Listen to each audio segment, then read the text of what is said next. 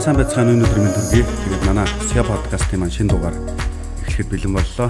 За ингээд өнөөдрийнхээ эфирт маань зочид Золко, Чаха, Лавга байна. Тэгээд өнөөдөр бид нэр бизнес модель гэдэг сэдвээр ярина. Нэгэн эрхэм хүндтэй зочныг урьж оролцуулж байгаа маа энэ хүн бол Монгол IT компани үүсгэн байгуулагч ерөнхий захирал Халиунбат.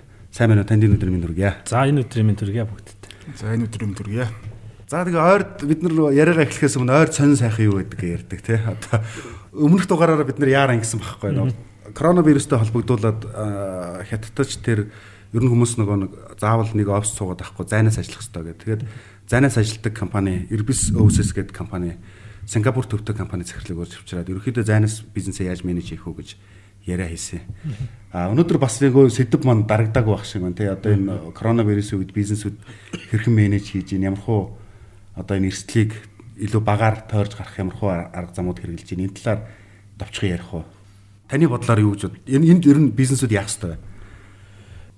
Бизнесийн хэмжээ их чухал юм шиг байна. Яг иймэрхүү үед бол тий. Тэгээд нөгөө хэмжээ гэдгийг бол хүм нь бол ингээл борлуулалтын орлого ч юм уу ингээд нэг тийм том масар нь ойлгохдаг байсан шүү дээ. Одоо тэгэхээр нэг бүтээмж тал руу нэрмээр юм шиг байна тий. Яг хэдэн үнэтэй тэр хэдэн үн чинь ямар хэмжээний борлуулалт хийж байгаа гэдэг талаас нь ярих юм бол сонь юм шиг байна. Тэгээ манай манай Монгол ID ч одоо яг л 20 хүнтэй. Тэгээ ерөөсөө сүүлийн 3 жил яг 20-оор л явж байгаа. А гэтээ бизнес бол 3 дахин томорсон. Тэгээ ерөөсөө хүн нэмэхгүй шүү л гэдэг. Ерөөсөө ямар нэг байдлаар хүн нэмэхгүй шүү. Хүн нэмүүл яаж игээл инновац технологи ашиглаж тэрийг одоо шийдэж шүүл гэдэг юм руу яваад байгаа байхгүй. Тэгэхээр буцаад бизнесийн чинь хамгийн хэцүү зардал нь өөрөө хүний зардал баг шүү дээ. Тэгэхээр тэр зардал дээрээ жоохон юм хөнгөн сууж явах юм бол буцаад ийм зах зээл ингэ доош орсон хэцүү үед бол хамгийн л гол аврал болох юм шиг байна шүү дээ. Тэгээ яг өс нэг өсөлтийн өвчин гэж байдаг шнэ. Өсгөрөө ингээл бүх зарлаа нэмдэг те. Тэгээ буцаад нөгөөтгөө таних гэж зүйлээддэг.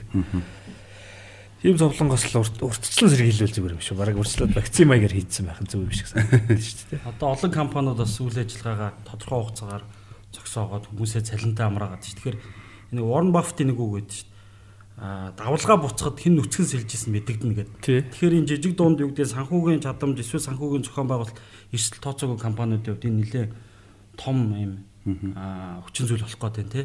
А томоохон компаниуд магадгүй 1 2 3 сарда хүмүүсээ бол цалинтай амраах юм бас боломж байгаа гэдэг. Тэгэхээр энэ ийм эдийн засгийн эрсдэлтэй үе тий эдийн засгийн хямралтай үед бол ийм компаниудын бас нэг ялгарл явагддаг. Бас тэрний нэг жишээ ойрхон харагдаж магадгүй л харагдаад байна. Ойрын нэг 2 сарын хугацаанд сарахад.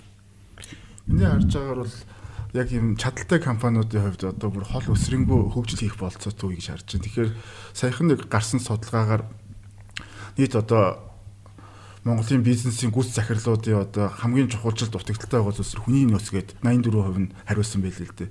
Тэгэхээр одоо ингээд аж ахуйн нэгжүүд дээр яг ингээд цалинтай хамрааж байгаа энэ үед төр жинхэнэ хэд хантангаа хийж аваад гол гол чухал хүмүүсээ одоо олж авах үе гэж би харж байна. Тэгэхээр бол Гэтэ олж авахдаа бол мэдээж өмнөх дугаар дээр иржсэн нөгөө зайнаас ажиллах болцоог нь ажиллуулж өгөөд гэртээ цалинтай амрааж явахдаа бас зүгээр байхаар яах вэ? Давхар манад нэг давхар ажил хийгээч гээд ургуулад авах хэрэгтэй гэж харж байна. Тэгэхээр бол энэ бол боломжгүй байхад гэсэн үг шүү дээ. Тэгээ бүтээмж нэг ур чадвартай хүний бүтээмжийг нэг газар удаан ашиглаад байхгүй ч гэж гарч байгаа тийм. Бас нэг жишээ байна л да. Яг одоо энэ үүссэн нэг манай нэг таньдаг хүн хангамжийн менежер гэдэг байхгүй. Тэгээд одоо зайнаас ажиллаж байгаа. А тэгээ үндсэндээ бол 7 хоног суудаг ажлаа 2 өдөр гараад хийчих чинь гэж байгаа байхгүй. Тэгээ бус үед нь гэртээ. Тэгэхээр энэ нөгөө нэг сул бүтээмж байгаад байсан шүү гэдгийг ажилтан ч өөрөө харж байна. Байгуулагч өөрөө мэдэрч байгаа байхгүй тий. Тийм шүү дээ. Одоо би бол нодон жилээс хойш, нодон авраас хойш ерөөдөө 7 хоногийн 3 өдөр гэрээс ажилтдаг болсон. Тэгээ хүмүүс гайх бах. Одоо төрийн албанд ажиллаж иж бас. Тийг ажил хийдүүлээ тэгээд болдог байхгүй. Ерөөдөө 7 хоногийн 2 дахь 4 дахь өдөр өглөө төвчрлээс өмнө гараа авчдаг. 6 гээл гараа авчин. Тэгэл ажил дээр бол нэг 7 цаг очиж байгаа шүү дээ. Тэгээд ер нь 7-оос хойш баг тэгэл битүү уулзалт тавиал орой баг 8-9 хүртэл уулзалт хийж байгаа. 2 өдөр ингэ битүү уулзалтуудаа дуусгачихна. А бусад 3 өдөр нь бол ерөөс гэртээ суугаал зүүмдэл зүүмий чинь бас төгс ашиглаж байгаа шүү дээ. Тэгэл уцаар уулзсан ярих гэсэн хүмүүсийг зүүм байгаа юу л гэдэг. Би амар тэгэл зүүмтчдэг.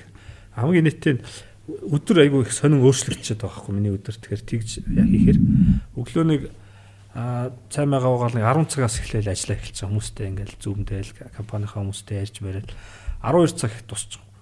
Тэгээд яг тэгэхээр сул цагаа тий. Тий нөгөө зүүм тэгэхээр нөгөө яриа бол ерөөсө максимум 15 минут л өрнөж байгаа байхгүй. Тэгэхээр яг face to face уулзаад ирсэн яриа болохоор сунжраал илүүдтэй яриаал тэгэл ингээл доороос 30 минут болт юм билээ. Яг тэрийг ажигласан. Тэгээд бүх уулзтууд амар шорт болоод богино болоод тэгээ ерөнхийдөө 2 цагийн дотор өдрийнхөө бүх ярих юм ярьчихж байгаа байхгүй. Тэнгүүд үдээс хойш бүр тэр чигтээ суулчихж байгаа. Тэгээд 7 оны 3 өдөр суулчихгаар ч сүулдэ би чинь код үчис сурлаа хакер гэж сурлаа тий бүр ингэж хадварч өгч байгаа тий өөрийгөө хөгжүүлээд тий тэгэхээр чинь ер нь бол хүнд бол дилсүл цагаас асар их байт юм бэл тэгээд ялангуяа Улаанбаатар хотын хувьд бол нөгөө энд нэг улсаас нөгөө оролцолтын хооронд явж байгаа тэр логистик нь айгүй урт хугацаатай тэгэхээр тим юмнуудаа байхгүй ингээд бүгдийг шахацгаар тэнд бол өстой гайхамшигтай их цаг гарч байгаа хөө тэгэхээр нөгөө одоо нөгөө энэ айгу динамик болсон ертөнцийн дээр чинь өөрөө өөртөө байх, өөрөө өөрийгөө хөгжүүлэх, сурах, бодох,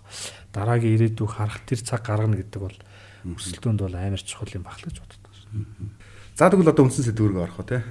За тэгээ бид нэр өнөөдөр бол гол зорж байгаа сэдв бол бизнес модель гэдэг зүйлийг бас ойлгох гэж үзэж байгаа. Тэгэхээр яг бизнес модель гэж юу вэ? За би үл ингэ шаарч. Бизнес моделийг эхлээд бид нэр хизээ хэрэг болдог вэ гэдгийг эхлээд ярих хэрэгтэй байх гэж бодож байна бизнес модель өөрөө энэ бизнесийн аль хэсэгт явж байгаа гэхээр миний ойлгож байгаа бол за ямарсан аль зах зээл дээр хинтээ яаж өрсөлдөж ямар хэрэглэгчдэд ямар үнцнийг өгөх гэдэг нэг ийм зах зээлээ сонгож явах шиг байна тийм тэгэн тэрэн дээр ямар аргачлалаар үзэх үү гэдэг өрсөлдөөнийхөө стратегийг тодорхойлоод за тэнгууд за бидний одоо яг энэ зах зээл дээр ийм завгараар ажиллана гэх дээр тухайн бизнесийн арга аргачлалыг л тодорхойлж байгаа хэсэг нь бизнес модель болж байгаа тийм би нэг энгийнээр тайлбарлах гээд оролтой тийм за үйл хөдлөх хөрөнгийн бизнес гэх юм уу да. За байшин бариад зарж нэг болж тий.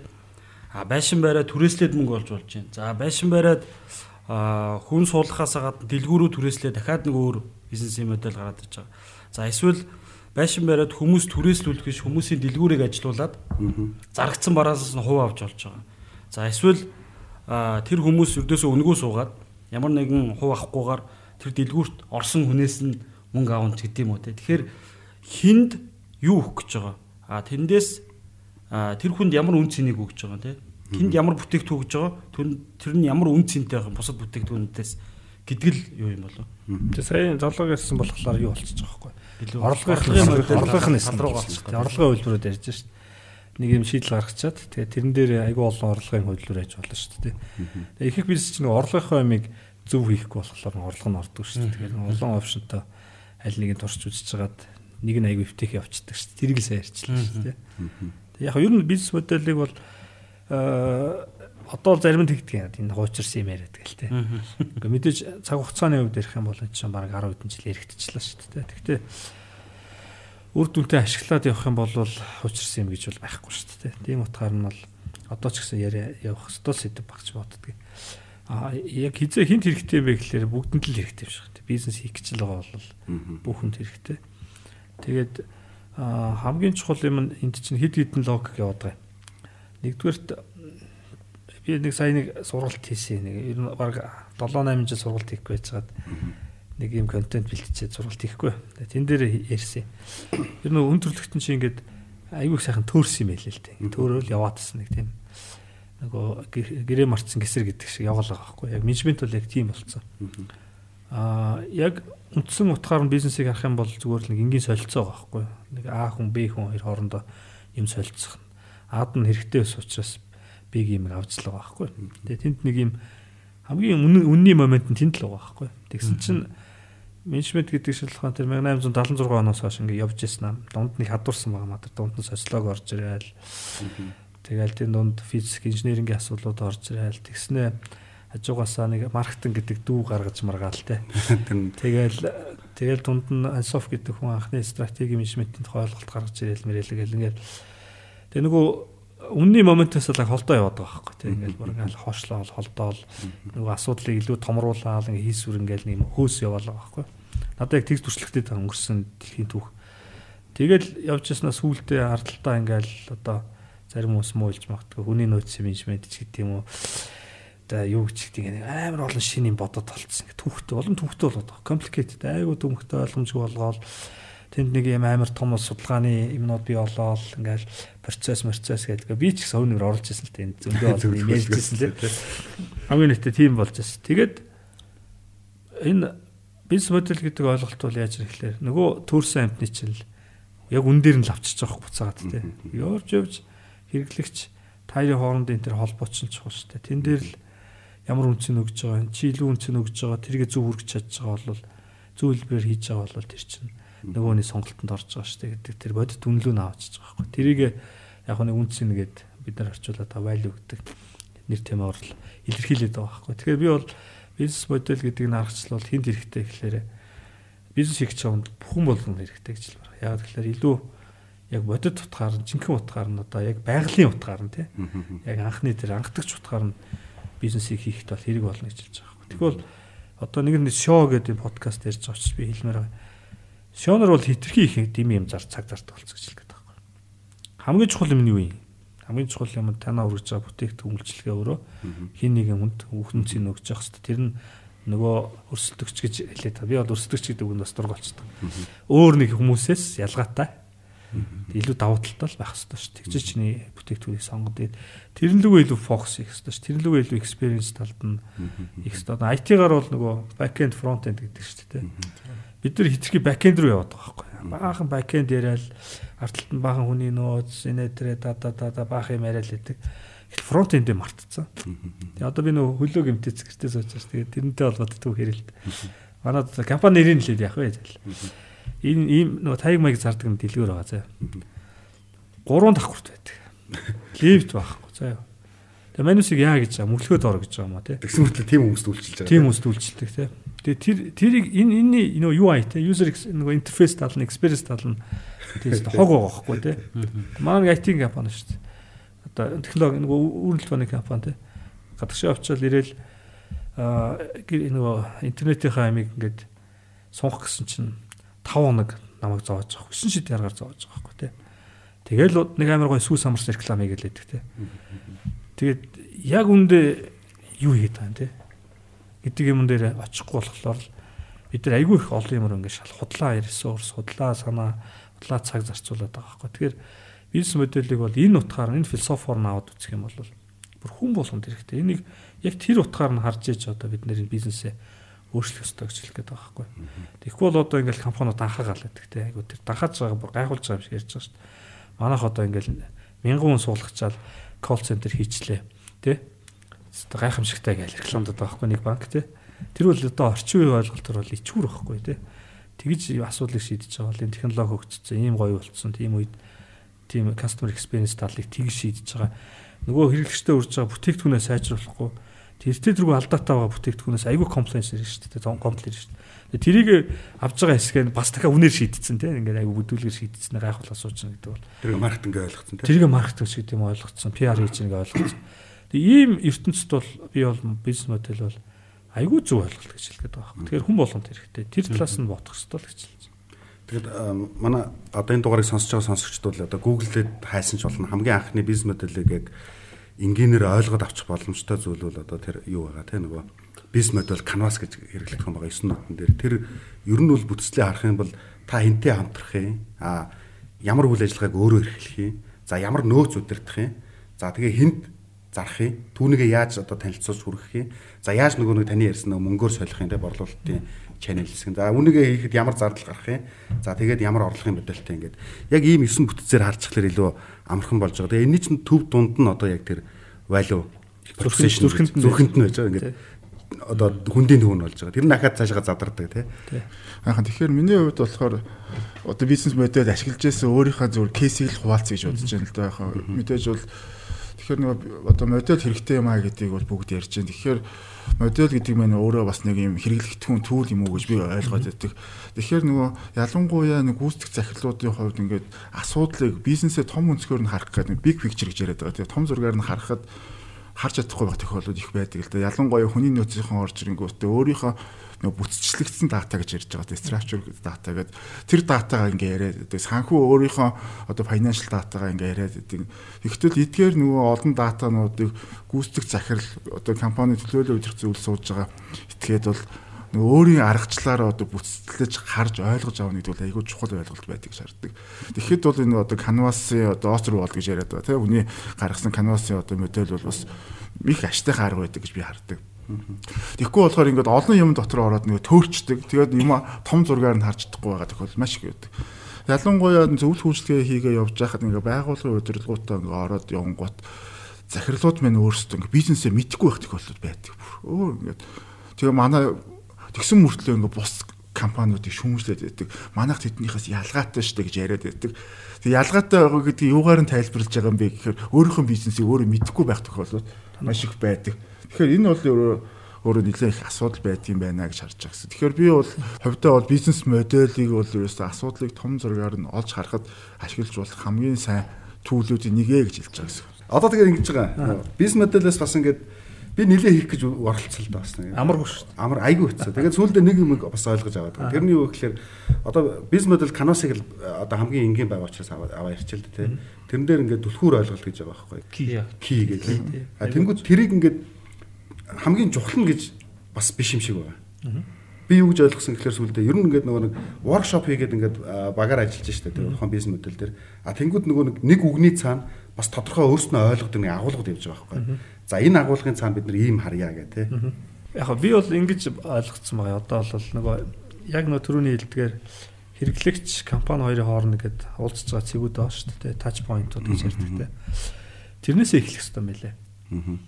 Одоо яг тэрийг л одоо автомат болгох юм уу? Тэн дээрээсээ тодорхой хэмжээнд тэглээ явахлаар артлын дээр бэкэнд гэдэг байгаа шүү дээ. Бэкэнд бас сонирм шүү байхгүй. Тэнд хідэн хүн ажиллах, тэнд ямар систем ашиглах.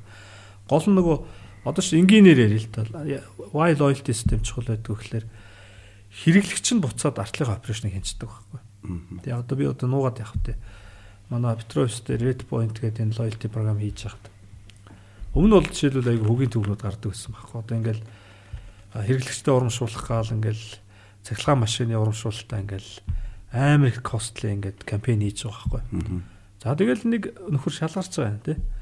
Тэгэл хагцлын дараа бодит үн илэрч байгаа. Тэрнээс манай нэг түгээгчийн нөхөр авцсан байгаа байхгүй тий. Тэгэхээр яг үндэ хэрэглэгчтэй нөгөө кост нөгөө зарцуулаад байгаа зардал нь очиж байгаа мó гүй юу гэдэг юм чинь хяналтгүй болчиход байгаа байхгүй тий. Тэгтэл чин loyalty систем хийчихлээр хэрэглэгч нөгөө оноогоо нэхэд нөгөө борлуулалт чи яг зөв бүртгэгдээд тийм үү.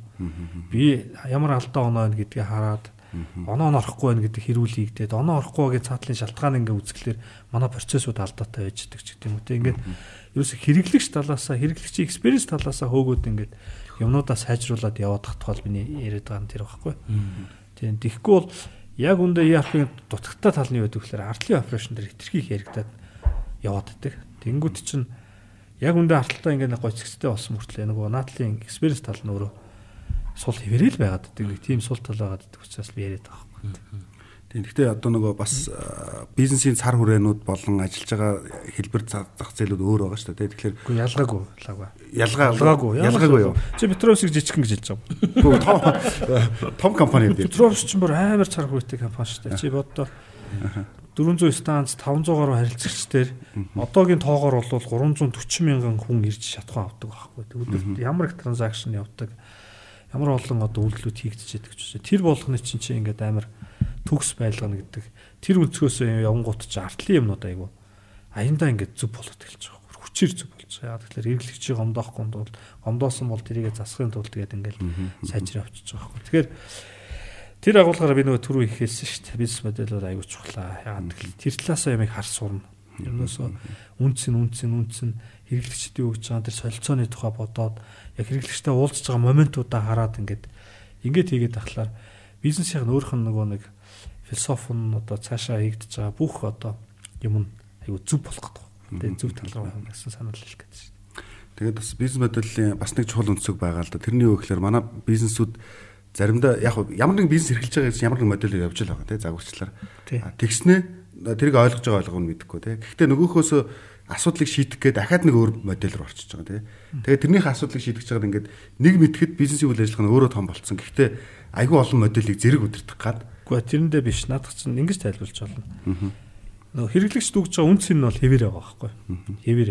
А тэгээд артлынх нь нөгөө нэг операшнл янз янзаар үзэгддэг байхгүй.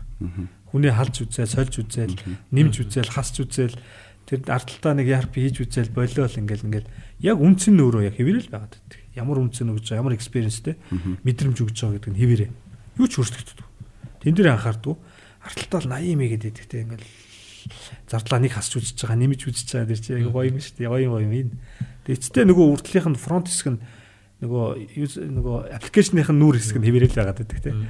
Яг төвхтэй, бүртгүүлэхэд төвхтэй тийм нэг тийм зовлонтой байгаад байгаа асуудлууд яваад байгаа. Энэ байгууллагууд хийгдэж шүү дээ. Энэ жил бол химнэлтийн жил болно гэх гараа явчихдаг тийм. Гэтэл бол кастомерд яг үзүүлдэг үйлчлэг яг хэвэндээ байдаг тийм. Тэгэхээр бол нэр нь бизнес моделийг ер нь би зүгээр ашиглаж байсан өөрийнхөө түүхийг түрүү ярьж ярина гэж байгаа тасалчлаа л да. Тэгэхээр яг гүйцэтгэх захирал хүний хувьд нөгөө төлөөлөл үйлдвэр зөвлөлтөд ороход ер нь нэг магадгүй нэг 20 30 минутын л микрофон олдж байгаа шүү дээ тий яг нуулгүй хэлэхэд тэр богино хугацаанд өөрийнхөө одоо бүхэл компани эд эсэг ширхэг болгоно төлөөлөл үйлдвэр зөвлөлд танилцуулахад ашиглаж болох хамгийн хялбар төлөв би бизнес моделийг л хичээл. Тэгэхээр нөгөө асуудлаа зүгээр ойлгуулж чадсан хүн бол хамгийн зөв шийдвэрийг гаргуулж чадна л гэж тэр ерөөсөө үндсэн аргумент төвшүүлж байгаа юм л та.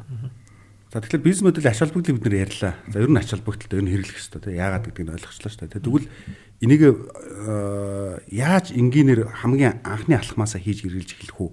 Тэгээ энэ дээр таны зөвлөгөө. Ерөөс бол хэрэглэгчэл харах хэрэгтэй л дээ. Тэгэл юус арга нь тэр юм чинь тийм хэрэглэгч нь хийн гэдэг л зүг сонгосдоо шүү. Хэрэглэгчээ зөв сонгох. Тэр нь бүр айгүй хөгийн айгүй хэцүү заяа. Хэрэглэгчээ яг зөв сонгох. Яг хийн гэдэг. Айгүй сайн сонгох хэрэгтэй. Тэгээд Тэрийг амар манайхан ерөнхий сонгодог. Одоо ингээд айгүй олон газруудаар ингээд зүгээр ингээд воркшоп маягаар бизнес модель хийлгэж үзчихсэн. Танай хэрэглэгч хийм бэ гэхлээр нэг юм. Одоо би та намайг хэлэхээр бүгд тэр яг тэгж бодсон заяа. Аа дундаж давхрыг яар төсөл төлөл ингээд дүрсэлж бичдэг байхгүй. Бүгд тэр яг бүр ингээд яриа тохирцсон юм шиг айгу сонь. Тэ? Yani юм дундаж настай орлогын төвшин орлогын төвшин хэрэгэлдэг тийм хэрэгэлдэг. Яг нөгөө бидний нөгөө Монгол улс тэр чигтээ үсээд байгаа дундаж давхрыг аягүй өрхөд төсөөлөд бүгдээр тэрийг бүгдээр нэг хүмүүс хүний төлөө өгөөд байгаа юм уу те. Гэтэл чин зах зээл ч өөрөө тийм биш. Нөгөө дундаж давхар гэж бидний төсөөлөд байгаа хүн чинь амар олон талтай. Тэ. Одоо жишээлбэл шатуунаар ярих юм бол а Land Cruiser-тэй нөхөр явж байгаа тий Брүстэй нөхөр явж байгаа. Тэгтээ Брүсээ яах гэж авсан гэхээр хүүхдээ сургуульд хүргэж өгөх гэж авсан нөхөр явж байгаа тий хэрэгжилж байгаа хэрэглээ нь бүр ингээд бүр супер бол янз аахгүй тий.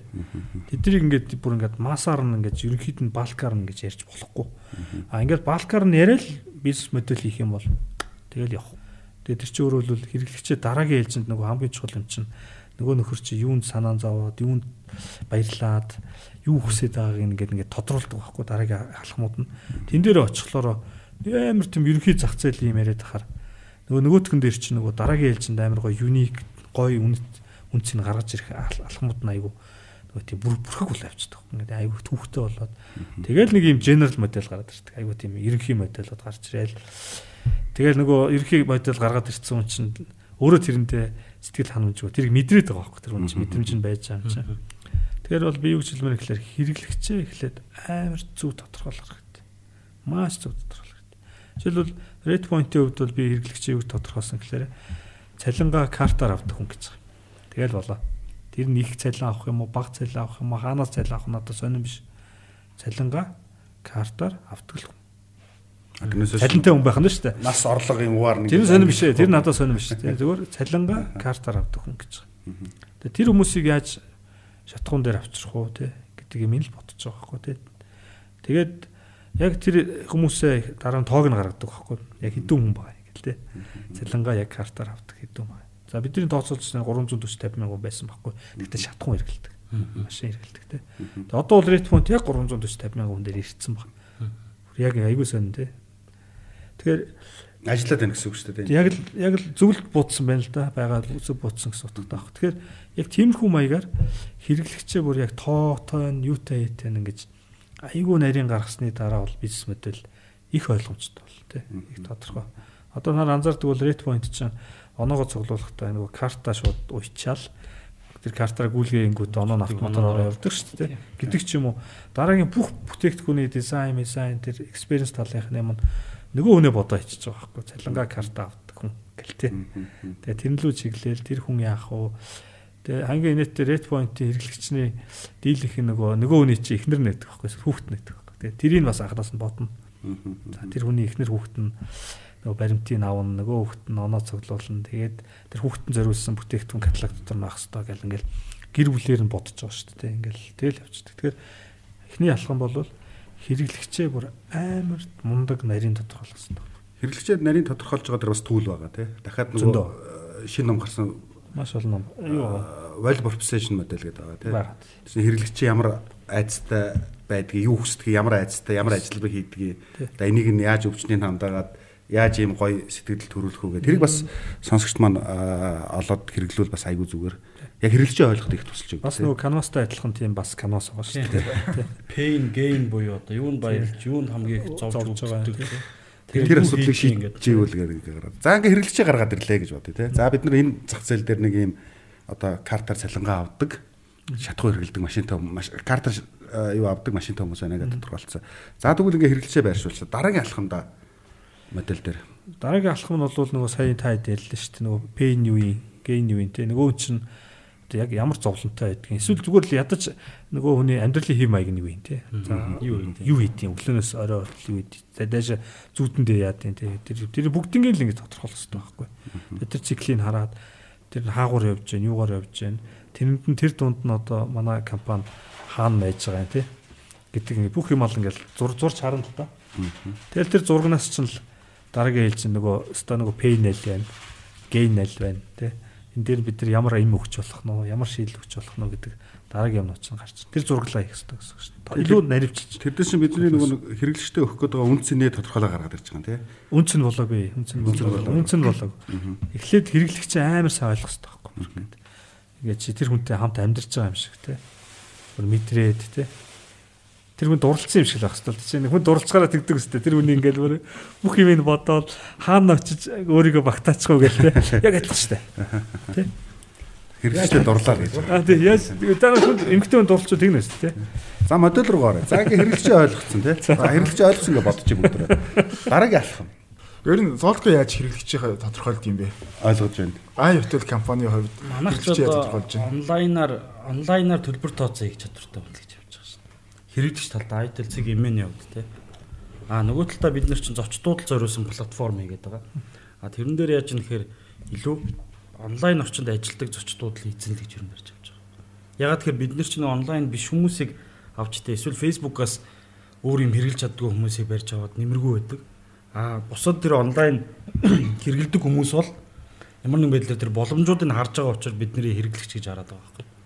Яг хэрэглэгчээ тодорхойлох айгүй олон аргууд хэрэгжилжсэн л да бүх төрлийн төлөвүүдийг ашиглаж үзэж байгаад миний нөгөө өгдөг зөвлөгөө бол нэг төлөвийг л хамгийн сайн ашиглаа сурчгаа гэдэг юм хэлэх гээд. Тэгэхээр би бол нуулгүй л гэдэг нөгөө HubSpot-ийн нөгөө persona гэдэг тодорхойлдог тэдний артиклуудаас нэлээд уншиж байгаа сургалтууд тэрний онлайн сургалтуудыг баг бүгдийг үзсэн л дээ. Тэгж байгаа өөрийн гэсэн нэг юм аргачлал гаргасан. Тэгээд ер нь хэрэглэгчийг бол тодорхойлж байгаа. Тэгэхээр хамгийн түрүүнд бол хэрэглэгчээ тодорхойлж авангуудаа авах төлөөл би бол зүв сонгож аваарай гэж ер нь хэлмээр байдаг. Эхлээд төлөл дээрээ эхлээсээ ажиллачаа гэдэг. Эхлээд нөгөө шууд хэрэглэгчийг тодорхойлъё гэхээс илүүтэйгээр төлөө аягүй сайн судалдаг. Тэгж жагаад олон төлөөс хамгийн энэ асуудал дээр тохирох нь аль нь юм бэ гэдгийг сонголт хийж байгаа. Танаа хэрэглэгч юу юм? Манай хэрэглэгч бол ерөөсө групп компани одоо C level-ийн ажилтнууд л байгаа юм л да. Ерөөсө Монголд нэг 150 орчим компани байгаа юм л да. Топ худалдаа аж үйлдвэрийн танхимын гаргасан топ 150 аж ахуй нэг чинь C level-ийн аж 150 хүн л гэж харж байгаа биз. Яг зөвөр энд хүмүүс зөвлөгөө өгөхөд нөгөө тэр Остервалд нөгөө зохиогч нар чинь нийлээд нэг юм онлайн хөрөх систем хийсэн шүү дээ. Стратеги стратегизер гэдэг нэртэй тий. Тэрийг онлайн ашиглаж болно шүү. Тэн дээр бол айгүй амархан. Тэ ингээл тоглоом шиг хөтөлөө бичээл тэгэл асамшнуудаа гаргаж ирээл ингээл бэлэн тим түүл онлайн байж байгаа шүү дээ. Тэг яг тэр чинь нэг жилийн нэг санаж байна 240 доллар болов. Тийм эсэх хаа. Падан дээр суудаг юугаар те. Canvas-ын падан дээр суудаг. Тий, юм дээр суун. Тий. Ер нь яг веб хөлбөртэй болно. Тэн дээр бол яг аа баг бүх хичээл бичээл нь байж байгаа. Яаж тодорхойлох вэ? Тэ нөгөө юунууд баш темплейтүүд янз янзын одоо тэрэн дээр ажиллаж болох темплейтүүд тэр бүх юмнууд нь байж байгаа. Ер нь бол яг миний зүгээр харж байгаагаар хүмүүс ингээд хэрэглэгчээ судална гингүүт маш их олон янзын төлүүдийг судал хойлцдаг микс болчдөг.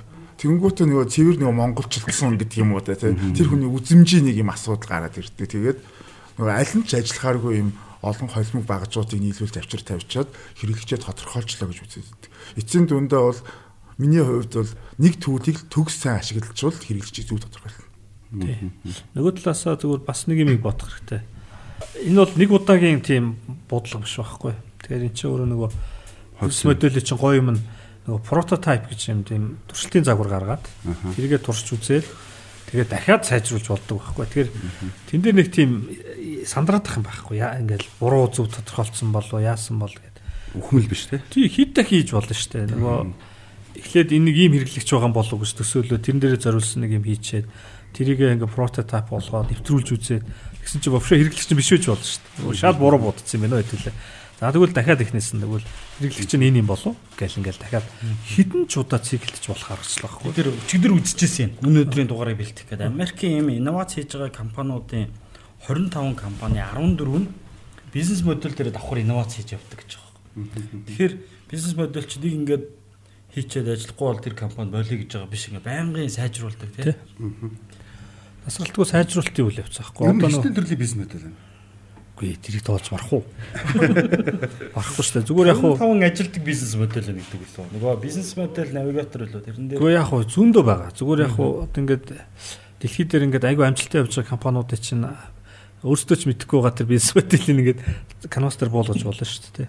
Тэгээ тэгээ буулгах юм бол мэдэхгүй хідэн ч бизнес модель харах юм тий. Мэдэхгүй шүү дээ. Тоолж харахгүй хөө. Бүгд л айгүй юник байгаа шүү. А тэгээд бизнес модель чинь бас нэг зөв юм нь юу гэхээр тэр өгж байгаа үнцийн хэлбэр нөгөө өгж байгаа хэлбэр бүх юм чи айгүй юник байх хэрэгтэй, өөр байх хэрэгтэй байхгүй. Тэгээ тийм юник байж ш нөгөөдөг чинь саксес болдог. Тэр бас тэгжээс байхгүй. Бүтээгдэхүүн бол заавал юник байх албагүй гэж байна. Ягаад гэсэн чинь анх энэ онлайн худалдааг нээсэн гар хэн биш те. Одоо GPS биш гэж байна. Анх гар утсыг хинч нээсэн тэр бол Стив Джобс биш байсан гэх. Тэгэхээр Тэд нэр юун дээр ажилласан бэхэр модель дээр ажилласан. Тэгэл шинжилсээр гаал модельоо л гоё болгоод тэгээ тэрний үнд хүрчдэг. Тэгэхээр одоо юу гэдэг бизнес модель гэдэг нь шинэ бүтээгдэхүүн бүтээгдэхүүн биш. Шал уушаа биш. Тийм биш байгаад байгаа. Одоо энэ байгууллагуудаар зориулсан юм дээр за би илүү орлогын модель яриад байна. Байгууллагаар байгууллага зориулсан платформуд биш. Энд чи одоо хуучин платформуд яаж ийн гэхээр ер нь эхлээ суулгахад тодорхой өндөр дүнтэй тий. За нэг 20 сая 50 сая янз бүрийн үнэтэй байсан бол одоо энэ SaaS модель гэдэг үндсэн платформоо онлайнаар хэрэглүүлээл тэндээсээ сар болгоны төлбөр аваад яваад идэгтэй. Тэр нь бас их аятайгаа одоо сүүлийн 10 2001 оноос хойш баха. Илүү одоо илүү амжилттай яваад байгаа тийм. Тэр бол ингээд шал өөр төрөл болчихж байгаа байхгүй. А тэгэхээр яаж юм хэр бид нар одоо Монголын платформ хөгжүүлдэг зарим компаниудтай уулзахаар тэд нар өмнө магадгүй мянган компанид өгчихсөн. Гэхдээ одоо амьдрахад жоох хэцүү болчиход байгаа тийм. Дахиад шинэ юм бодохгүй болохоор. А нөгөө талдаа SaaS модельтэй үед яаж юм хэр эхний жил магадгүй хэцүү а 100 хүн зарцсан те. Хоёр дахь жил дахиад 100 хүн зарлаа гэхэд өмнөх 100-тайгаа 200 хүн төлбөр төлдөг хэрэгдэгч чинь байна. Тэгэхээр эн чинь шал өөр болоод явчихж байгаа. За тэгэхээр бизнес модельээс бас нэг харж сурж болох харж болох нэг зүйл нь юу гэхээр нөгөө нэг бүх зүйлийг өөрөө хийж хаалбгүй те. Тэгэхээр нөгөө хинтээ хамтрах юм. Яг чухал зүйл нь нөгөө нэг алигээ бид нэр удирдах уу те. А надад ямар нөөц байна уу гэдэг. Зүүн зүүн баруун жигээрх нь гурван ойл дагаа штэ. Энэ дээр та нэг Яг үнэ. Тийм учраас би түрүү хэлсэн шүү дээ. Өрсөлдөгч гэж ярих дург болсон гэдэг. Аа. Тэгэж өрсөлдөгчдөг хамтрах хэрэгтэй байхгүй. Тэгээ ерөөсөө угаасаа одоо нэг магадгүй энтэй холбоотойгоор би нэг зүгээр санаа өгөхөд хүмүүс тэгж асуудаг айгүй төгөөмөл асуудаг учраас хэлж байгаа. Хэрнэ тэр амар гой юник тэр айгүй тийм өрмөц гой хүнд үрдэг үнцнийг яаж бий болох вэ гэж асуудаг байхгүй. Тэгэхээр би бол нэг хідэн зөвлөгөө өгч байгаа. Нэгдүгээрт нь тийм амар гой кул юм хаанаас гарч ирэх вэ гэхээр технологиос гарч ирнэ. Одоо ерөөсөө технологийн зуунд байгаа бид нар гэж яриад байгаа шүү дээ. Тэгэхээр тэр дотроос чинь технологийн нэг айгүй гоё юм ашиглагдсан. Тэгээд тэр нь танад амар гоё экспириенс авчрах тийм технологи байж байгаа. Хаа нэгтэй байж л байгаа. Тэрийг олох хэрэгтэй. Нэгдүгürt. Хоёрдугаарт энэ одоо бид нар хуучин бол нэг индастриал салбар гэж ярьдаг байсан шүү дээ. Тэр ойлголт чиг сонир болсон шүү дээ. Тэгэхээр магадгүй тэр ойлголтоор ярих юм бол салбаруудын ингээд уялдаан дээрээс гарч байна. Магадгүй эрүүл мэндийн салбар шатхуунтаа нийлэнгүүт айгу сони юм гарч. Мэдгүй тэндээс юу ч гарч магадгүй. Гэт ингээд 3 дугаарт нь шал сонин багийнууд хамтарч ажиллахлаар гарч. Тэ тий. Юу юу хин хин шинтэй хамтарч иж магадгүй. Тим нөхцөлд байдлаас ингээд бас айгу сонин модель гарч. Тэр бол хамтын ажиллагаа гэдэг бол өөрөө яг үндсэн бий болох айгу чухал их усүр мөн. Тийм учраас энийг л бид нар бодох хэрэгтэй. Энэ юмнаас Одоо бид нар ч уламжлалаараа нэг ингээд бүх юм айн хаус хийдэгтэй ингээд дотроо хийдэг нэг юм соёлтш манай их компаниуд тий. Томрол байдаг одоо сүүлдээ бүр нөгөө реклам хийдэг, хэвлдэг принтерээ хүртэл өөрсдөө хийсэн тий. Тэр өөрөөр хэлбэл энэ арга чинь өөрөөр хэлбэл компаниг улам л ухмал байдал руу оруулна. Яг тэгвэл тэнд илүү нөгөө шинэ модулууд гарч ирээд Тэгээ одоо би сүүлүүд нэг exponential гэдэг үгийг хэрэгэлдэг болчиход байна шүү дээ. Exponential буюу тийм шугам өсрэлт биш. Ингээд бүр хогцом тесрэлттэй өсрэлттэй одоо илтгэж функцийн өсөлт гэдэг байна шүү дээ. Тийм өсөлт хийдэг болсон. Яг тэгэхээр нөгөөх нь нөгөө эхний хэлсэн тэр аа юу нэ технологи дотроос амар зөвүүн үнцийг олж ирэнгүүт тэрийг хэрэглэгчдэд өнгөт нөгөөх нь шууд буст болоод хэрэглэгч нарыг ч яста зүгээр солиотой урдан аквар хийгээд те. Тэгээ өсөлт нь бүр ингээд пуучин өсөрч байгаа юм шиг те. Байж 5 5x оо тэр 5x бол бүр минимум дал онгоо те. мөр 10 марав те. Мөр үйлдэлээс золох гэж яахан тэр чинь бол яг хөө ингэж байгаа юм л та. Нөгөө энэ технологиуд өмнө яасан бэ гэхээр за мөр гэдэг чинь IBM-ийн өөрөө өсгөн байгаас захирлан тий манай болохоор нэг зүйл анзаарсан энэ технологи 2 жилдээ үнэн нь 2 дахин хямдраад хүчин чадал нь хоёр дахин нэмэгч гин гэдэг ийм анализ хийгээ тэрийг дээр үед хэлжсэн юм байлээ. А тэгээ яаж юм гэхээр энэ нь одоо шин шин салбарууд дээр огцом өөрчлөлтүүд авчираад ирсэн. Яаж юм гэхээр автомашин дээр гэхэд автомат жолоодохтой болоод эхэлж байгаа тийм. За ямар нэгэн хүргэлт гээд байдаг бох чинь дрон орж ирээд бас технологиос хамааралтай болоо явчихж байгаа тийм. За эмнэлгийн одоо эмчийг бол багжуугаар төхөр төсөөлөх аргагүй болч тийм. А тэр эмчийн багаж чинь гэсэндээ одоо химэл оюун ухаантай ч юм уу болоод эхлэхээр бүх салбар дээр юм огцом өөрчлөлт хийгээд байгаа байхгүй. Тэгэхээр энэ хоёр дахин үн хямдардаг хоёр дахин өсдөг чинь ерөөсөө цэвэр босоо шугам болоод энийг тэр нөгөө Singularity University гэдэг exponential age гэдэг нэгсэндээ энэ тесрэлтэд юм уу ийм үе ирчлээ гэдэг олон салбар дээр технологиуд юм огцом өөрчлөлтийг авчираад байгаа л гэсэн санаа. Би одоо жишээлбэл нод нь ав шуурчны юм байна. А нод нь жил шинжинд явж байгаа байхгүй. Тэгэхэд тэнд нэг юм iCarbonix гэх компани та нар интернетээр аваад үзэр. Тэр компани бол өстой үнэхээр кул бизнес модельтэй заяа. Тэдний гол ноу хав нь юу нэхлээрэ ДНК нөгөө ДНА шүү дээ тий. Тэрний нөгөө sequence буюу нөгөө дарааллыг тоолдог технологи хөгжүүлсэн. Одоо бас бараг 10 жилийн өмнө нэг хүнийхийг тоолох чинь сая доллар байлаа шүү дээ. Тэгэхэд нөхдүүд одоо тэрийг 5 доллараар хийж байгаа гайхан бууруулалт. Одоо мэдгүй хэдтэй юм чинь тий. 5 доллараар хийж байгаа байхгүй. А одоо бол дундад зах зээл дээр байгаа үн бол 100 доллар шүү дээ. Одоо нөгөө dna.com эсвэл одоо юу гэдэг чинь тий. Ancestry ингээл баах юм байгаа шүү дээ. Тэд нар чинь 100 доллар гэж авах нөтөд таваар хийж байгаа байхгүй. Тэгээд 5 доллараар хийгээд 10 ойролцоогоор 10 сая хүний дата цуглуулсан. Тэр 10 сая хүнийхээ датан дээр юу алгоритм хийгээд ерөнхийдөө нөгөө хүний өвчнийг урдчилж prediction хийдэг модель хийсэн байгаа байхгүй. Тэгээ ер нь бол өвчлөгдөг чинь нэг 10 юм 15 жилийн өмнө миний биед гарсан нэг гажигл юм байлээ л дээ. Тэр нь явж байгаа л ингээл амар сүр өвчин болдог. Тэгэхээр тэрийг чинь өмнө мэддэг болсон гэсэн үг тэр модулаар ерөнхийдөө. Тэгээд нөхдүүд тэр үндсэн алгоритм дээрээ суурлаад ийм сервис гаргацсан. Subscription feeтэй. Тэр фигээ төлчих юм бол нөгөө хүнд ингээд баахан зүүдэг төхөөрөмж өгчөж байгаа. Тэгээ хүний нөгөө биоритм бүх юмнуудын датаг цуглуулад авчна. А гэрийнх нь 0 нь жишээлбэл нөгөө шээс меснес ингээ сампл авчдаг шууд шинжилгээг нь явуулцдаг. Тим 0 суулгаад өгчөж байгаа юм. Гэр ингээд ерөөсөө яг тэр нөгөө эргэн тойр нөгөө IoT гэж яриад шүү. Тэр бүх юм ингээд хийгээд өгсөн. Тэгээ нөхөр бол ерөөсөө өөрийнх нь амьдралын бүх дата тэр алгоритмээр явж идэг. Нөгөөх нь ажиллаж идэг. Ямар нэг эрсдэл гарч ийн үгүй гэдгийг харж идэг. А дээрэс нь тэдний гол орлогын модуль нь юу гэдэг вэ гэхээр нөгөө хүн чинь 2 сард нэг удаа очиж нэг цусны шилгээ өгөх хэрэгтэй. Тэндээс орлого олдог. Дээрэс нь юу гэдэг вэ гэхээр яг тухайн хүний нөгөө ДНК идж байгаа хоолунд орчин орчин мэдж байгаа ус тэр хүн зориулсан үндэсний нэмэлт бүтээгдэхүүн байдаг. Яг тэр хүн зориулсан одоо жишээл магадгүй бэнэс чинь жоохон суур өвчтэй байдаг шүү дээ. Имийн хийдэг. Яг тэр хүн зориулсан. Яг бүр супер кастомайз тэ. Яг тэр хүн зориулсан эмгтэй зориулсан косметик гэдэг. Тэс тэр бүү байгаа. Тэр нөгөө subscription fee-гээсээ гадна яг тийм personalized тийм бүтээгдэхүүнүүд гаргаад Тэгээд ерөөсөө бүлэг төш бүр хувь нь хувь хүнд өөр ингэж орж штэ. Тэгээд хамгийн амар нь ерөөсөө байгуулагчнаас 2хан жилийн дараа одоо үшээ 3 биелийн доллараар үнэлэгдэх компани болсон. Тийм амар компанид байна. Гэтэ тэр технологи хийхэд бас тийм их одоо яагааг бах те нөгөө амархан байгаагүй. Амархан амархан байгаагүй биш. Тэр зардал гаргаагүй. Тэр фаундер нөөрөө Бээжинг их сургууль төгссөн ядад залуу байхгүй. Тэгээ өөрөө хятадын хамгийн анхны нөгөө ДНК-гийн лаборатори хийжсэн. Өөрөө яг нөгөө гений инженер хүн байхгүй.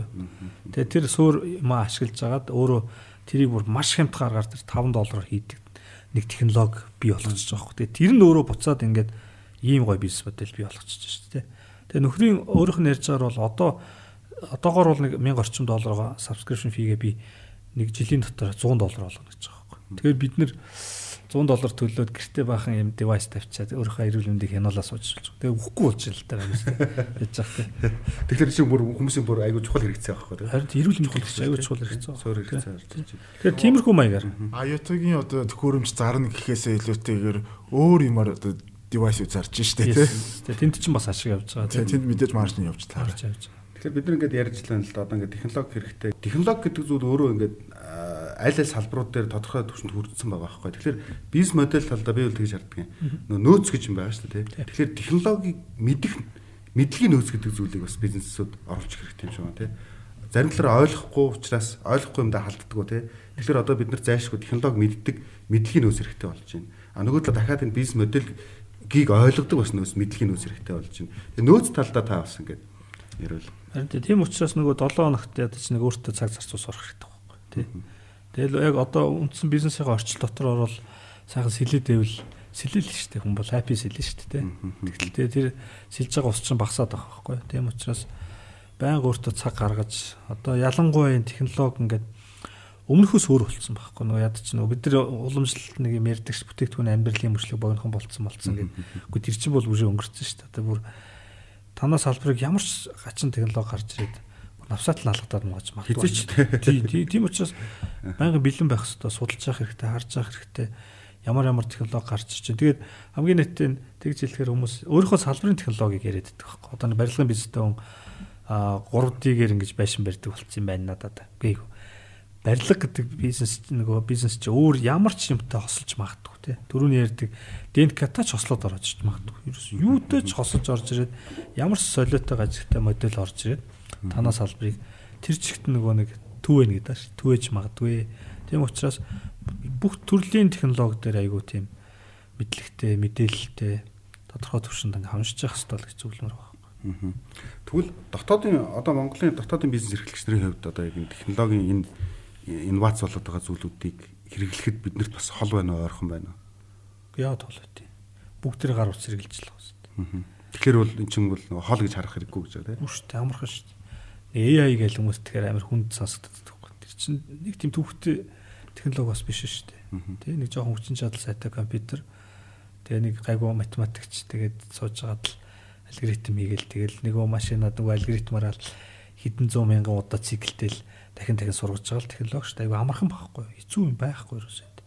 Дүрс одоо тэр аудио ямар ч юм дээр ажиллах тийм төвхтэй биш байхгүй. Тэ тэгэхээр тэрийг нэг тийм амар хол юм шиг ингээд амар кул юм шиг тийм төвхтэй юм шиг ойлгоод хахаар холдоод байгаа ч магадгүй тий. Тэр бол уул нь амархан байхгүй. Таны утсан дээр чинь Siri гэж байж байгаа шүү дээ. Тэр чинь AI шүү дээ тий. Миний өөрөө өгж байгаа датанаас намайг танаас суралцаад байгаа юу тий. Сураад байгаа. Улам сайжраа яваад байгаа тий. За энэ нэг энэ үгийг ингээ хэлчихдэг юм байна. А энэ ингэж л хэлж байгаа юм байна. Тийм шүү гэж мэдээ. Ойлгоход явчихж байгаа тий. За тэгвэл одоо нөгөө тал руугаа орё. Нөгөө тал руугаа орохлоор за хүмүүсийн бас нэг эргэлздэг нэг асуулт байдаг тий нөгөө маркетинг борлуулалт гээл тий. Ингээл одоо заримдаа бол маркетинг нь борлуулалтаа удирдах юм, борлуулалт нь маркетингаа удирдах юм нэг юм уу тустай юм уу гэ тий. Тэгэхээр бизнес модель дээр энийг ингээд зэрэгцүүлээ дээр доор нь харагдсан байгаа тий. За чи хэрэглэгчтэй яаж одоо ийм юм хийж байгаагаа ойлгуул тайлбарлах юм тий. А доотлын хэсэг нь болохоор нөгөө нэг чи хэрэглэгчтэй энэ болгосон үнцнийг яаж мөнгөөр сольж авах юм тий. Яг мөнгө болгож байгаа процессыг хэлж байгаа шүү дээ. Энэ тал дээр нь тань дээр. Тэгээ нөгөө маркетинг борлуулалт гэж хуугаад эхлэхээр л бор болчихсон Тэр чинь бизнес модель канвас дээр хоёр хэсэг. Тэгээ бэкэнд яриад байгаа байхгүй бас адилхан. Нөгөө бэкэнд л яриад байна гэсэн үг шүү дээ. Артлынхаа операшн яриад байгаа байхгүй. Тэрнээс хэрэглэгч талаас бол тэр маркетингийн хүн байна уу? Борлуулалтын хүн байна уу? Ер нь л их тийм сонир биш шүү дээ. Надад өгж байгаа бүтээгдэхүүн өөрөө төгсөл байх хэрэгтэй шүү дээ. Намайг хаппи болох хэрэгтэй шүү. Тэгэхээр тэр талаас л бодох хэрэгтэй. Тэгэхээр тэнд чин тэр уламжлалт ойлголтоор бол тэр маркетингийн үнж ажиллаж байгаа, борлуулалтын үнж ажиллаж байгаа шүү дээ. Тэгээ хамгийн дүндээ нийлээд л тэр хүнийг хаппи болгох хэрэгтэй шүү дээ. Тэгээд тэгж ойлгох хэрэгтэй каносыг. Тэрнээс бол энэ энэ хэсэг нь бол борлуулалтын тухай яриа юм байна. Үгүй ийшээ оруулахгүй гэдэг гэж болохгүй. Тий, энэ хэсэг нь бол маркетингийн тухай яриа гэж ойлгож болохгүй шүү дээ. Тэр channel гэдэг хэсэг дотор чинь тэр маркетинг чинь ч явж байгаа, тэр борлуулалт ч явж байгаа. Communication талдаа бас адилхан шүү дээ. Нөгөө суугч чинь ч явж байгаа, маркетинг ч явж байгаа. Одоо яг энэ дэр жишээлбэл Жахагийн компани sales маркетинга яаж хийж байна? Наач айхтар sales маркетингийн хүн байхгүй шүү дээ. Гэтэ харин танаа тийм байгаа шүү дээ. Тийм байгаа шүү дээ. Яг тийм байхгүй эднийх. Sales-ийг тэгэл бүгд л хийн шүү Бүгд тийм яг үн адилхан. Захирлын хийн, технологийн хийн тий. Одоо ч sales-ийг сууж байгаа юм биш. Ялангуяа одоо жишээлбэл яг ERP нэвтрүүлж байгаа үед бол implementation хийж байгаа процесс нүртэл sales байхгүй. Тэнд чи хэрэглэгчтэй ямар нэг буруу ойлголт өгөөл, буруу сэтгэл төрүүлчих юм бол дараагийн sales байхгүй ш будаа ш. Тий. Тий. Ерөөсөө л upsell, cross-sell ийм л зарчим. Алхан болгон sales байхгүй. Тий. Бүр project management нь sales байхгүй.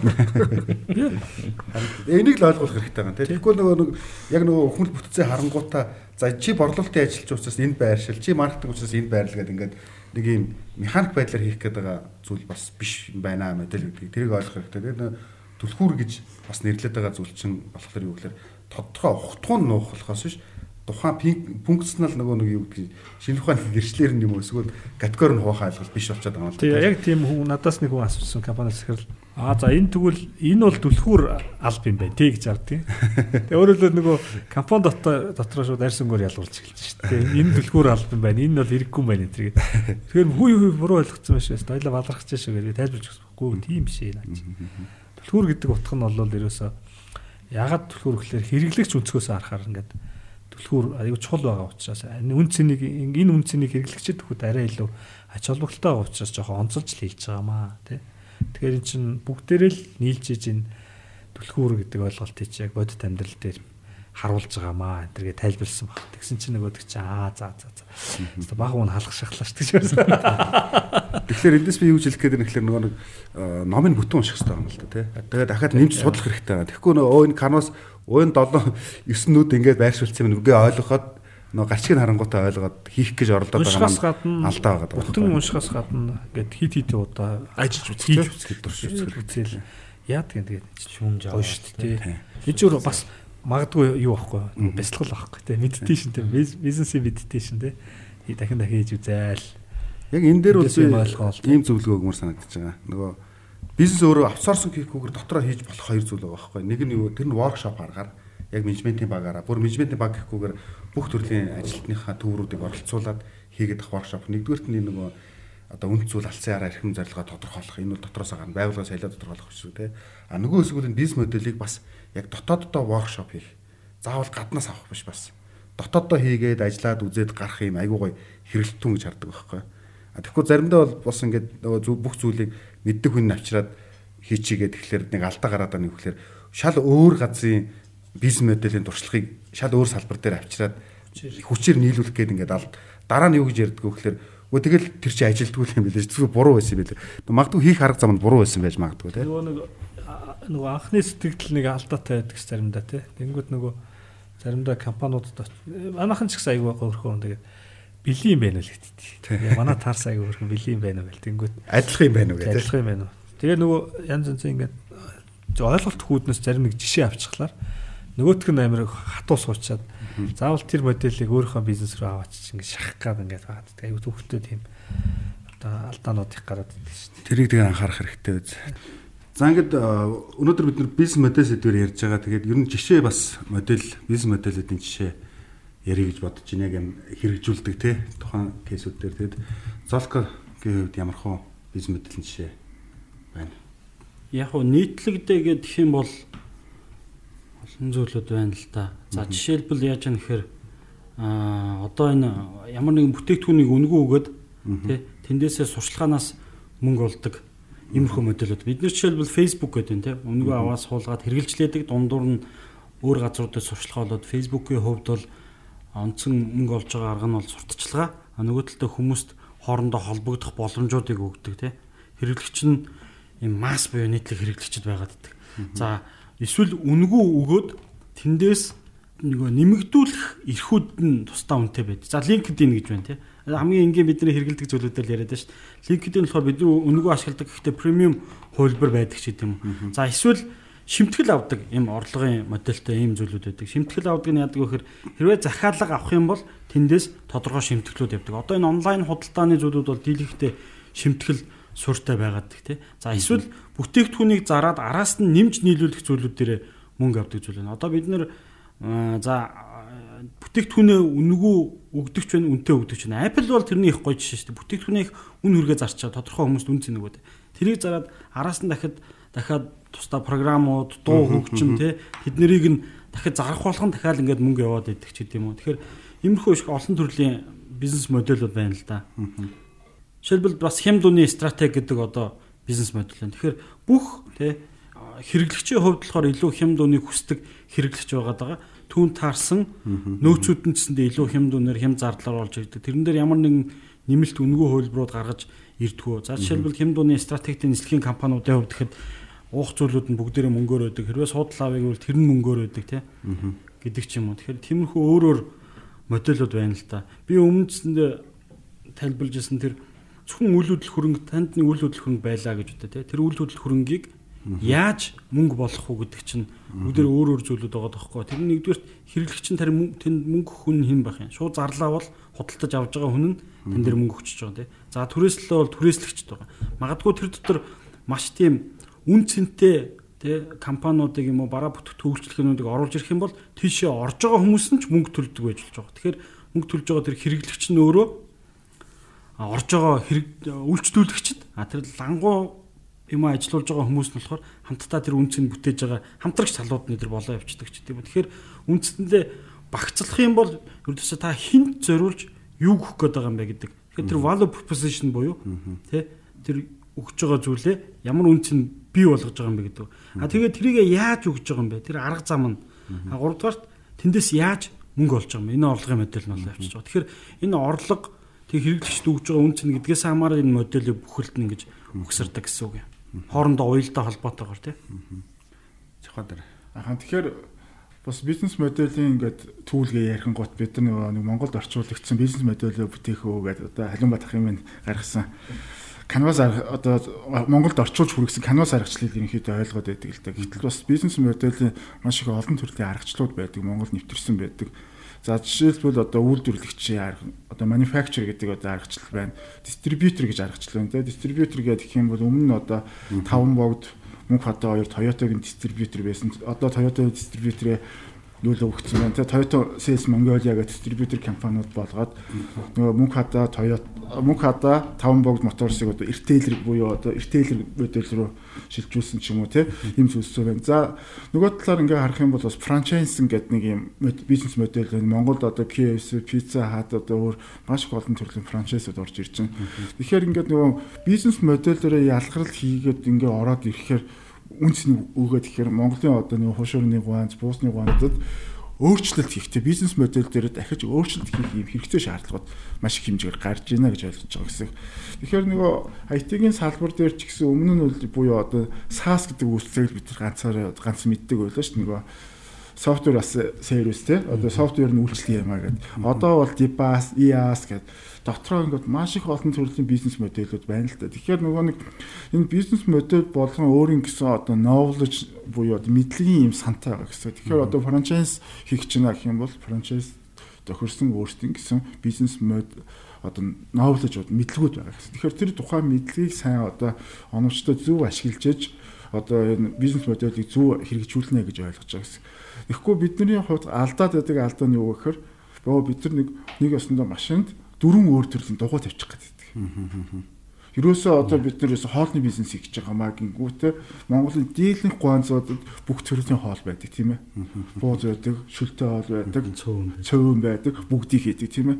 Гэхдээ тэр дотроос нь тийм ялгарл тэ хэрэглэгчд өгөх үнцэн гэдэг зүйлсийг харьцангуй бага хийдэг юм болов уу гэж би ойлгодог гэсэн. Uber-ийн жишээг авъя гэж бодож байна. А Uber бол мэдээж хүн хүн мэдж байгаа уламжлалт нөгөө бизнес моделийг богино хугацаанд гарч ирсэн эвдсэн айгүй сонирхолтой модель гэж харж байгаа юм л та. Тэгээ тэр утгаараа би яг энэ моделийг дэлгэрүүлж задлж харъя гэж. За ингээд эднийх бол үндсэндээ хоёр төрлийн value proposition төвтэй байгаа. Нэг төв нь юу гэхээр одоо зорчигч, а нөгөөх нь бол одоо жолооч. Тэгэхээр жолоочд өгөх үндсэнийг 7 янзаар тодорхойлсон байна л да эднийх.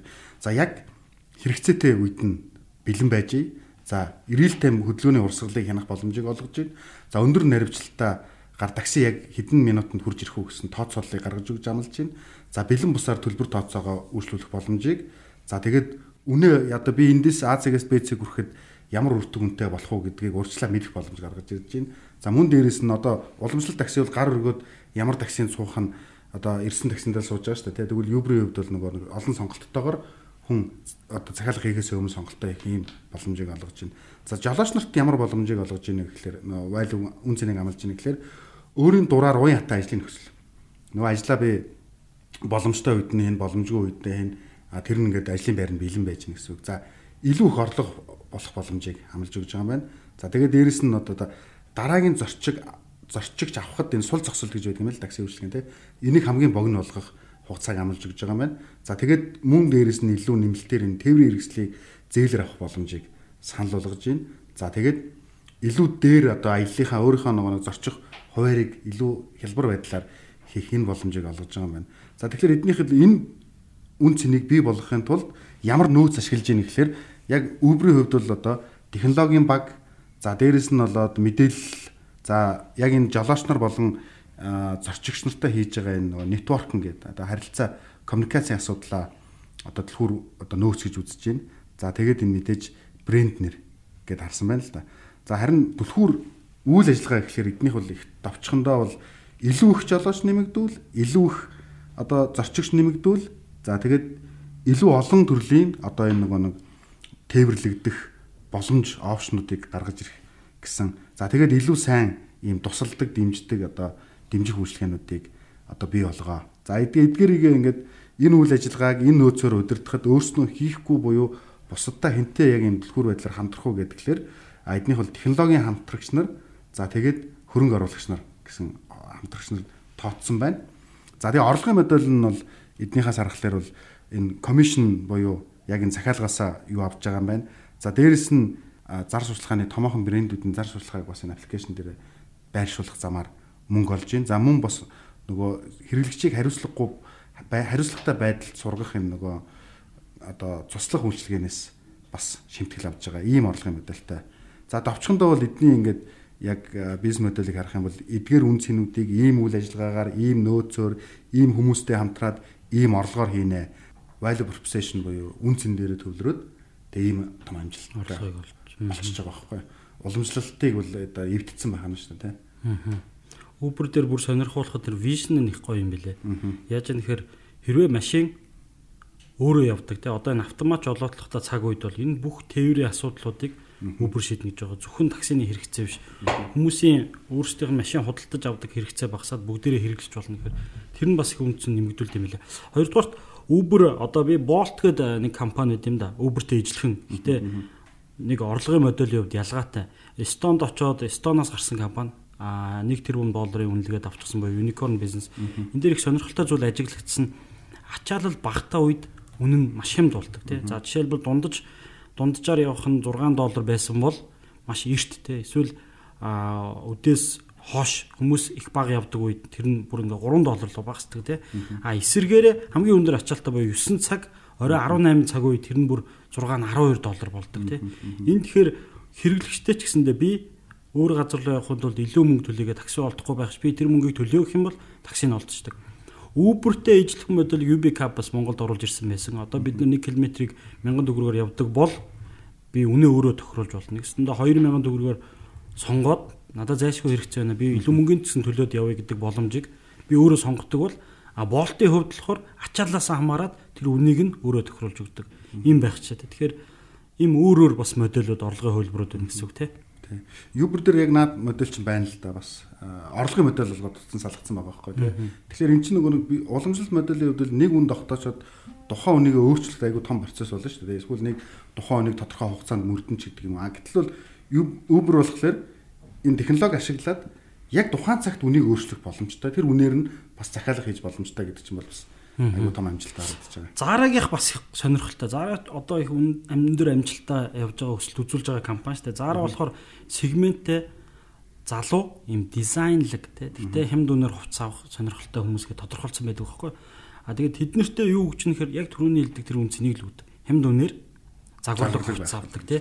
Тэнгүүтээ бусад компаниуд илүү массаар олныг үйлдвэрлэдэг бол Zara маш цөөхөн доотой үйлдвэрлээд тэр нь хэрэглэгчдөөс сарын дараа дэлгүүр дээр очиж өмнө өмсөн хувцас нь байхгүй болоод шин загварууд ороод ирчихсэн байдаг. Тэр уламжлалт хувцсны Zara-гийн бол уламжлалт хувцсны бизнес моделийг илүү fast fashion буюу одоо жилд 4 удаагийн одоо загвар солидог байсан бол тэр чи одоо үндсэндээ одоо сард шин загварууд гарах. Одоо бүр сүүлдээ 7 хоногт тэгээ энэ дээр өрсөлдөд явж байгаа бас нэг юм амжилттай байсан юм. Тэгээд яг key activities талдаа аваад үзэх юм бол дийлэх компаниуд ижилхэн байдаг бол Zara бол ингэт юм билэ.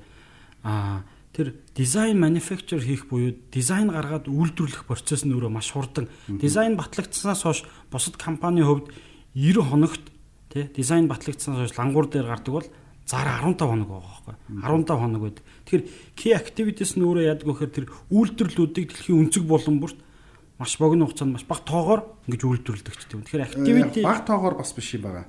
Энэ нөгөө нэг distribution моделийг аягүй сайн хэрэгжилж байгаа байхгүй юу. Үндсэндээ нөгөө нэг үйлдвэрлэгчээс юуны яг ритейлийн лангуун дээр одоо өрөлтөн дээр ирэх хүртэлх энэ distribution асуудал дээр аягүй том одоо даваа тал авцсан байх гэсэн үг байхгүй. Тэгэхээр чинь аягүй хурдан сайтай те нөгөө одоо шууд тээвэрлэг. Тэр яг уншихаар ингэдэм байлээ. Жишээлбэл бусад компанийн хувьд бол тодорхой тоогоор гаргаад тэр хувцсыг тэр хүн өмсөө явж хахад өөр хүн өмсөд явах магадлал өндөр байгаа. А яагаад заараа руу бид нэр байн байн дахин дахин ордог вэ гэхээр та тэр хувцсыг өмссөн байхад ижлэхэн тэр хувцас ч өмссөн байх магадлал бага. А тэгэнгүүтээ яагаад дизайн дээр key activity өгж ийн гэхээр магадгүй бусад компани жилдээ тэ 50 дизайн гаргадаг бол зараа 250-ыг тэ магадгүй 500 гаргаж хурдан дизайн хийдэг гэдэг.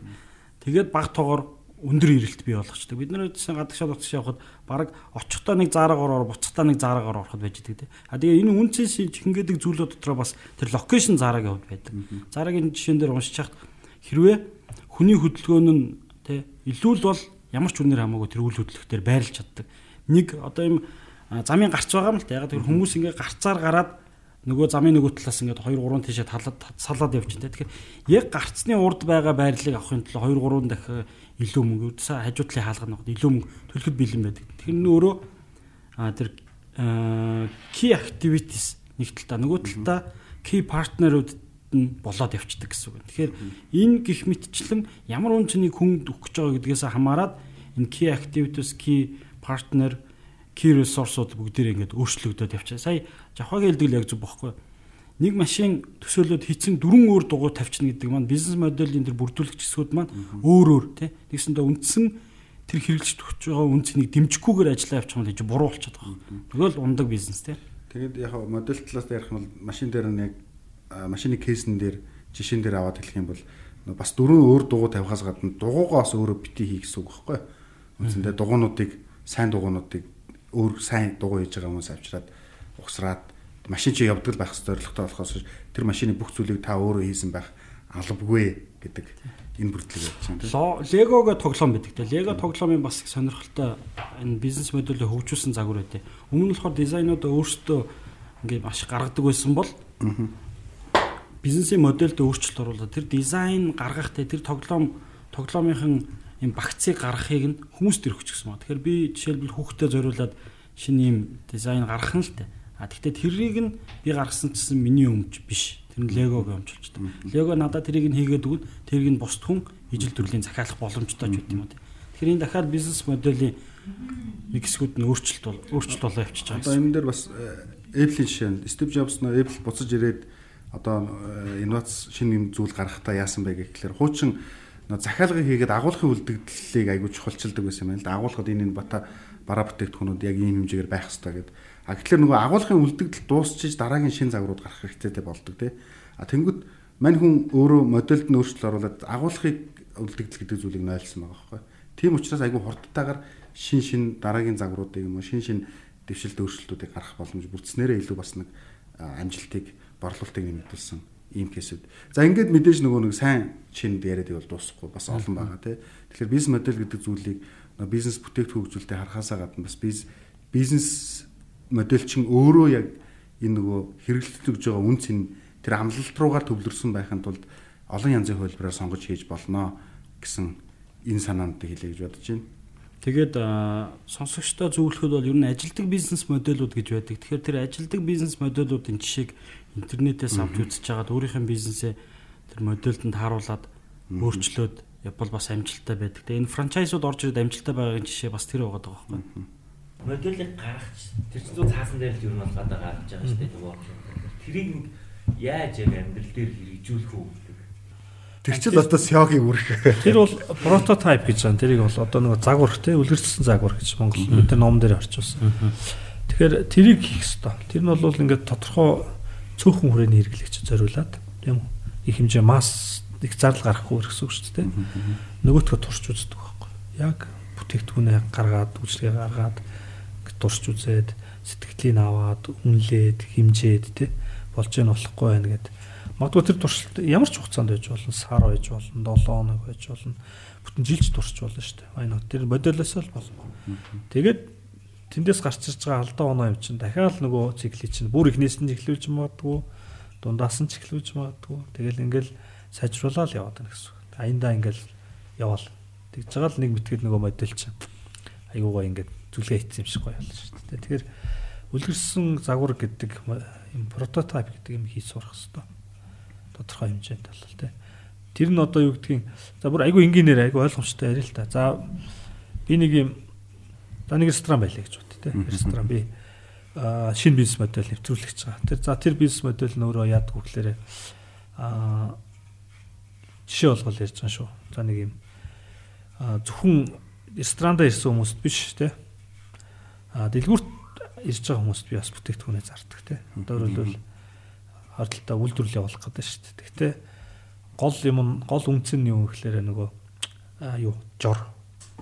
Тэр жор нь айгуу чухал. Тэр жорыг айгуу нөгөө дэлгүүрт хөргүүрт хадгална, буцаагаад халаан малаан тэг бүх юм аа ингээд нөгөө хэрэглэгч байгаа экспириенсийг бодож аваад гаргаад ирсэн. Тийм жор байлаа гэж бодлоо л дээ. За тэгээд тэр жор нөөрө технологи байхгүй. Тэнд чинь бас зөндөө юм болно ш. Нөгөө бас технологи орж ирнэ. Ямар орцоо ивэл илүү удаан хадгалах яах юм ингээл шинжилгээ орж ирж ш. Тэгээд за нэг юм бүтээгдэхүүн гаргацсан тийм. Тэгээд өөрөөр бид нар өөрийнхөө ноу хавыг олон чанал руу гаргаж эхэлж ш. Тийм. За тэгвэл яг энэ дээр бас прототип хийх хэрэгтэй байхгүй тийм. Нөгөө жороо яах хэрэгтэй. Тодорхой тооны хэрэглэгчд санал болгож үзэх хэрэгтэй байхгүй тийм. Тэгвэл тэхийн тулд магадгүй нэг аль нэг супермаркеттай яриад тэн дээр нөгөө бүтээгдэхүүн аваад тавиал те. Тэнд зөндөө юм туршигтай шүү дээ бас одоо лангуун дээр яаж тавих юм байна, аль хэсэгт байх юм байна. Одоо сапаглаа буудлын байх юм байна. Сапаглаа буудлын аль нь зөв юм байна гэвэл зөндөө олон деталь байгаа шүү дээ яг бизнес дотор чинь те. Тэр бүх юм чинь яг н прототип хийж байгаа үед илэрдэг байхгүй. За жишээлбэл хитрхи юм хэмжээний одоо пицца аяг бол хийж хийжээ гэж бодлоо хэмжээний том байж болдог нь яг гэвэл дэлгүүрийн лангуунууд нь ч орт айгүй нарийнхан байт юм байж гэдэг юм ингээл тэр дотроос ч асар болон юм мэдэж авч байгаа байхгүй тий Тэгэл тэр бүхнээсээ суралцаал нөгөө рецепи бүх бүтээгдэхүүнээ ингээл сайжруулаад за савн дээрээ нэг жоохон хүний анхаарал татсан юм тавихгүй бол нэг ерөөсө пицца гэж харддаг юм биш үү энэ гэл ингээл. Ингээл сайжруулаад байна гэсэн. Тэгэл хідэн ч удаа прототип хийж болно шүү дээ. Ингээл хийгээл хийгээл хийгээл. Тэгэл явж итл чи нэг өдөр ерөнхийдөө энэ болох юм байна гэдг нь харагдлаа масс продакшн эхэллээ, маркетинг хийлээ мөн үү. Тэгээ нөгөө арай нэг том хэмжээний заргуутай имплементашн одоо нэвтрүүлэх ажлаа эхэллээ юм гэсэн үг л дээ. За ингээд ямарсан өөрийнхөө үнэтэй цагийг зарцуулаад бид туслахаа болсон танд баярлалаа. Тэгээд өнөөдрийн дугаар маань энэ үрээ өндөрлөж байна. Тэгээд өнөөдрийн дугаарт Золко Жавхал хавга баярлалаа. Баярлалаа. За баярлалаа.